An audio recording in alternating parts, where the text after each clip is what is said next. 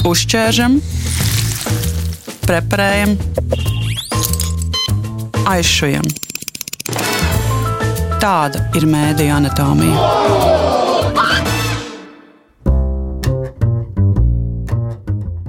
Labas, Vaida! Hi, hello!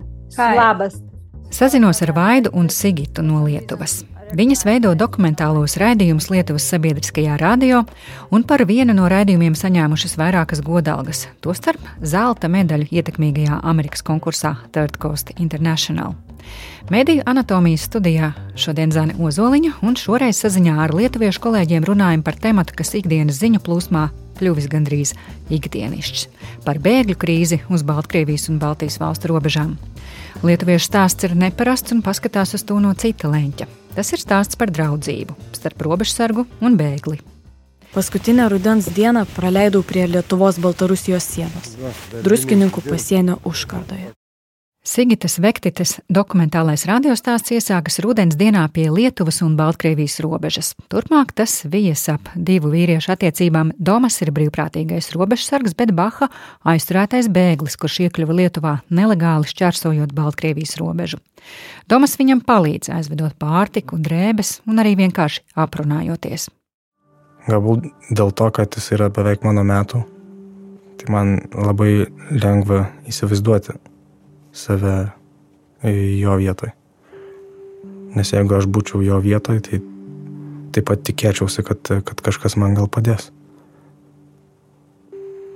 Turbūt pagrindinis varikliukas, kuris mane motivuoja, tai yra tai, ką aš galiu sukurti Bahai dabar, sudėtingam jo gyvenime laikotarpį, kad, kad jam prisiminti tas dienas bus tiesiog lengviau.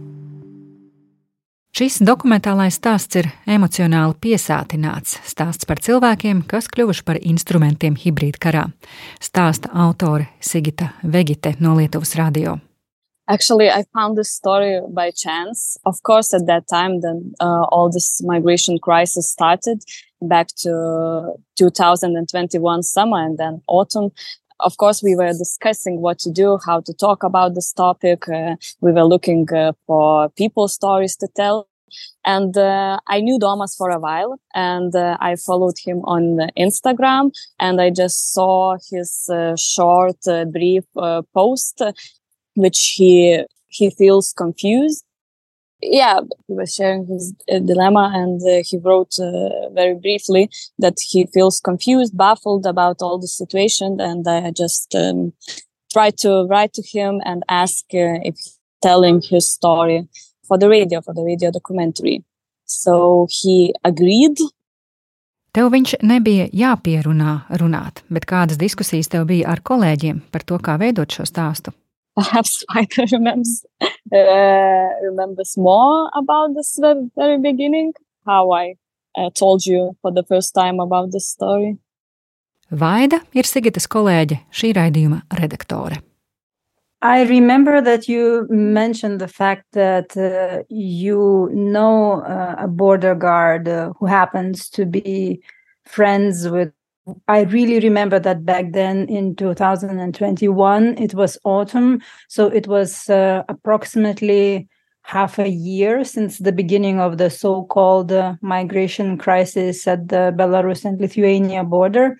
And um, you can imagine that, uh, you know, during the time when in every day, every 24 hours, there were like hundreds of people crossing the border, ending up in these temporary uh, migrant uh, detention centers. Uh, it was a very big uh, story in the media, but at the same time, there were very few stories uh, featuring actual people with actual individual stories. It was um, very generalized at the time. Also, situation was such that for journalists to directly unsupervised by border guards it was also quite possibilities were also quite limited.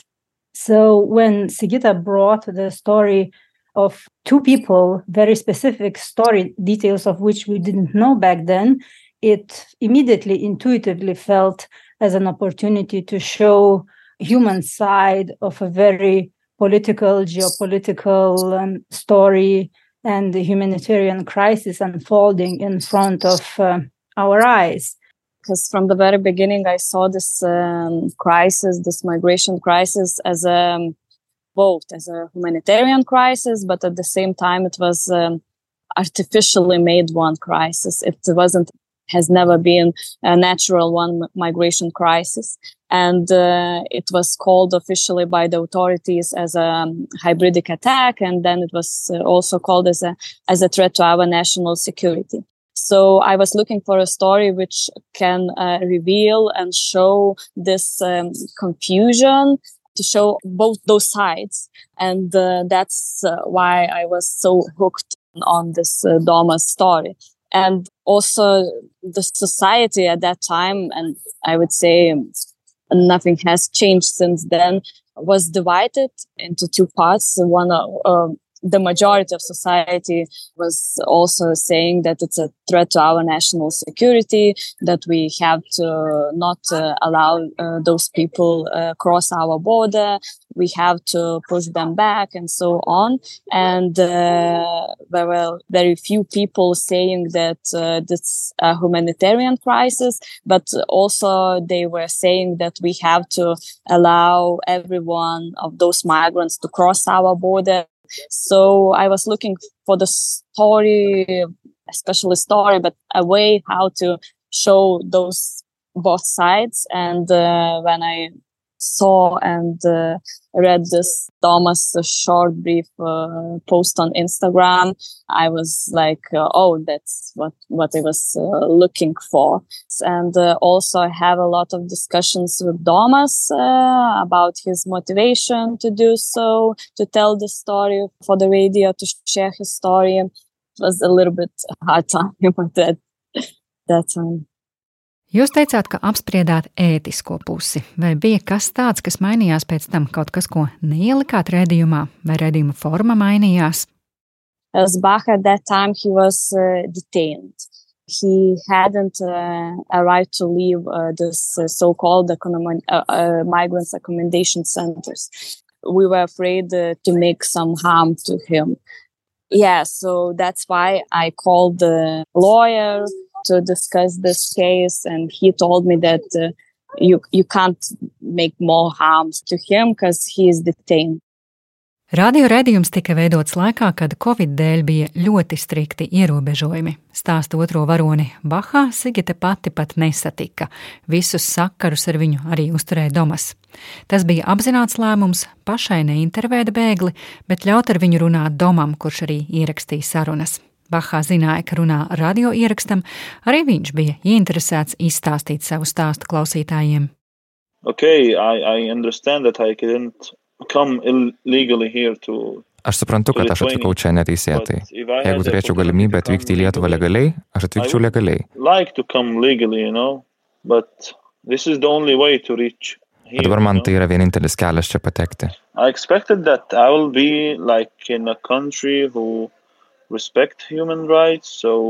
Aš tikėjausi, kad pateksiu į šalį, kuri gerbė žmogaus teisės. Kirsti sieną nėra toks didelis nusikaltimas. Būti pabėgėliu nėra toks didelis nusikaltimas.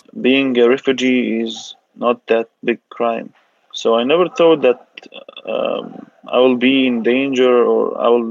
Nesitikėjau, kad pateksiu į pavojų, bet dėja, dabar čia Lietuvoje leidžiu labai blogas dienas.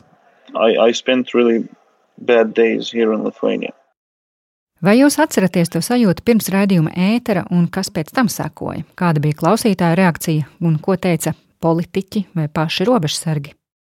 When I finished this documentary, I was really tired. Uh, yeah, I remember this very clearly. But uh, actually, there was no reaction from the politicians or from the lawmakers. Uh, we realized that the story is resonating with wider audience when we first presented it at the international feature conference in cardiff uh, last spring.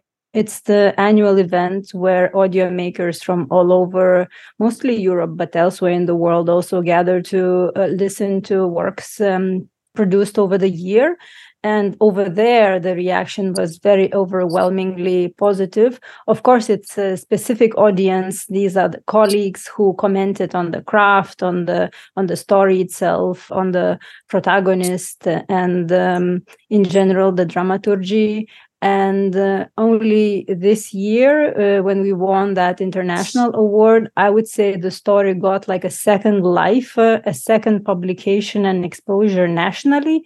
But we have to maybe also understand that I would say the context has changed a, a bit because the story has been evolving at the time when Sigita was producing the story, the metal fence, uh, the barrier at the border was just being constructed.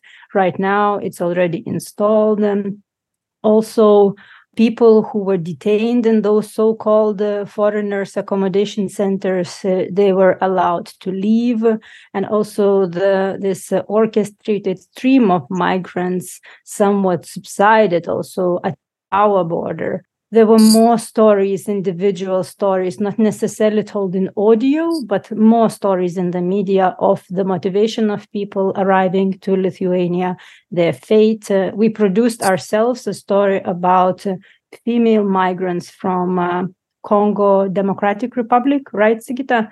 Yeah, also also very touching and moving stories of how these women who experienced horrible abuse uh, at home and then in other countries through which they traveled uh, and how they ended up in Lithuania. So I would say there were more stories ever since about uh, migrants in Lithuania.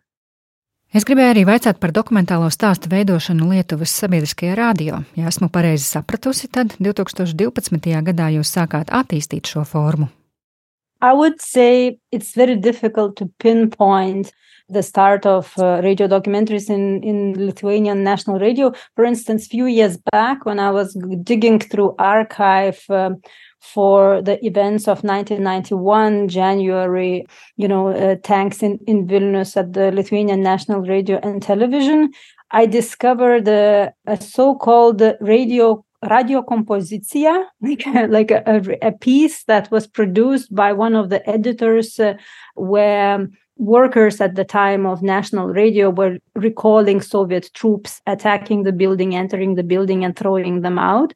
So this was like a 20 minute piece with sounds and interview bits that was dramaturgically composed. That it was not called a documentary, but it had all the features of audio piece that uh, was uh, edited together in a specific way. We didn't know about it for, from before. I would say that in our radio, this form was born in the newsroom. So it was an evolution that uh, brought us to this point today where I would say right now, especially with all the international recognition, radio documentary has already in Lithuania firmly established itself as a separate genre that is uh, unique in, in itself and is mostly produced uh, uh, at the national broadcaster, but increasingly more so by some independent producers in Lithuania as well. Kāda ir jūsu komanda? Cik cilvēku jums ir? Kāda ir jūsu komanda? Cik cilvēku jums ir? So we are a small team right now of uh, five people, but not all of us. We work uh, full time uh, on this. Actually, none of us work full time on this. We also have other programs to produce, uh, other duties, and uh, so you could say we work on this part time. And we try to support each other. We are producers and editors to each other, but in many cases, we work individually. Sometimes also students from various disciplines come to us with their story ideas. We help them develop that. And um, there were instances where we worked with um, theater dramaturgs who helped us develop more special uh, long form series. Kā jūs esat attīstījušies pa šo laiku, ko jūs pirms pieciem gadiem darījāt tādu, ko tagad vairs nedarītu? I would say one of the main lessons I think is try if you can and never work completely alone. Because this is a genre that can really burn you out and it happened to us uh, we have to admit uh, because especially in the first years when we try to establish uh, ourselves also within our radio you know just to say that it's worth you know spending more time on narrative on interviewing people on looking for stories and of sound telling them, especially in sound, because you have to think why this story that we are telling should be told in sound. Kas notika ar stāsta varoņiem, ko viņi dara tagad? Yeah, so Baha, as uh, all of them are in those so-called uh, mm. uh, foreigners accommodation centers, uh, they were they get this uh, permission to leave those centers. They had the right to to move freely. So, as far as I know, Bacha left uh, Lithuania. He fled, and uh, I can't just reveal the de- the details because uh, Domas uh, he is no longer a volunteer soldier. He has no duties on at our border, and uh, yeah, actually, it is. That's it. What I can say about Domas. And uh, as far as I know, they are still in close Domas sometimes visits um, Bacha in, in the country uh, Bacha is now. And uh, yeah, but I would say that this story still don't have, uh, doesn't have a happy ending. Kā tu domā, vai šis raidījums ietekmēja varoņus? Varbūt pēc sarunām ar tevi Domas izlēma aiziet no robežsarga darba. Probably, because uh, he told me actually that uh, it felt like a psychotherapy, all those interviews we had. So perhaps a chance, uh, uh a possibility uh, to share his feelings, perhaps to understand for himself better how he feels about all the situation. Uh, one thing, what has changed after this documentary is so Domas told Bacha that he he he was now uh, a volunteer soldier and he that he had uh, duties on the border and that he pushed back migrants and so on. And Bacha was surprised, but uh, still they, they are friends. Un mans pēdējais jautājums. Jūsu darbs ir smags. Kā jūs no tā izējat? Kā varat izslēgt datoru pulksteni sešos un pievērsties kaut kam citam? Very difficult. It's so difficult. What i do usually when i can no longer bear it physically mentally or otherwise i go for a walk usually if i can i go into the forest with me because there if once you're working so closely and for a long time on a story it's always stays in your head. So you cannot really like you know i don't know close the lid like on a burning pot or you cannot t- take it out like sd card from your recorder and put it in your drawer. You cannot do it. It's always in your head. Yeah. I think i'm kind of burned out and that's the reason i'm now in the list. I'm taking a break and uh, i have no answer today how to relax, how to manage all those things uh, if we talk about uh, working on documentaries. Uh, but yeah, because I really feel burned out of this. Lietuvas radio dokumentālo stāstu par robežsargu un bēgļa neparasto draudzību var noklausīties Lietuvas radio mājaslapā. Links uz to atrodams arī šī raidījuma aprakstā. Mēdīju anatomiju šoreiz veidoja Zani Ozoliņa un Reinis Puce. Uzķēršam, preparējam, aizšujam. Tāda ir mēdīņa anatomija.